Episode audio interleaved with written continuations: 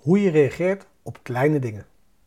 Hoe je reageert op dramatische dingen is belangrijk. Hoe je reageert op kleine dingen is belangrijker. Dat is waar de kracht ligt. Boek Coming Alive van Barry Mitchells Phil Stutz. Phil en eigenlijk alle geweldige, geweldige leraren leggen alle nadruk op de kleine dingen. Hij noemt onze moment-tot-moment ervaringen met onszelf en anderen microtransacties. Hoewel we de neiging hebben ze te negeren en te denken dat alleen de grote dingen echt belangrijk zijn, draait hij dat om en zegt hij dat het de kleine dingen zijn die er het meest toe doen. Door te oefenen met de kleine dingen zijn we natuurlijk goed getraind om met de grote dingen om te gaan, wanneer ze onvermijdelijk aankomen. Hoe reageer jij op kleine dingen?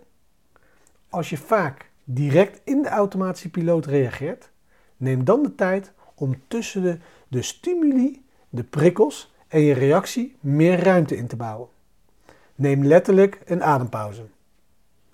Hoe meer je bewust bent van de ruimte die tussen stimuli en reactie bestaat, hoe beter je kan reageren op de kleine dingen. Dit doet me denken aan meditatie. Meditatie is een uitstekende manier om de vaardigheid van bewustzijn te beoefenen. In feite is meditatie het beoefenen van bewustzijn. Steeds als je merkt dat je aandacht weg is, dan leer je met meditatie jouw aandacht terug naar je focuspunt te brengen. Dat kan je ademhaling zijn, een woord of iets anders. Wat je van mediteren leert, is jezelf betrappen op onbewust gedrag. Bewustzijn is de sleutel in gedragsverandering. Gedragsverandering begint bij de kleine dingen.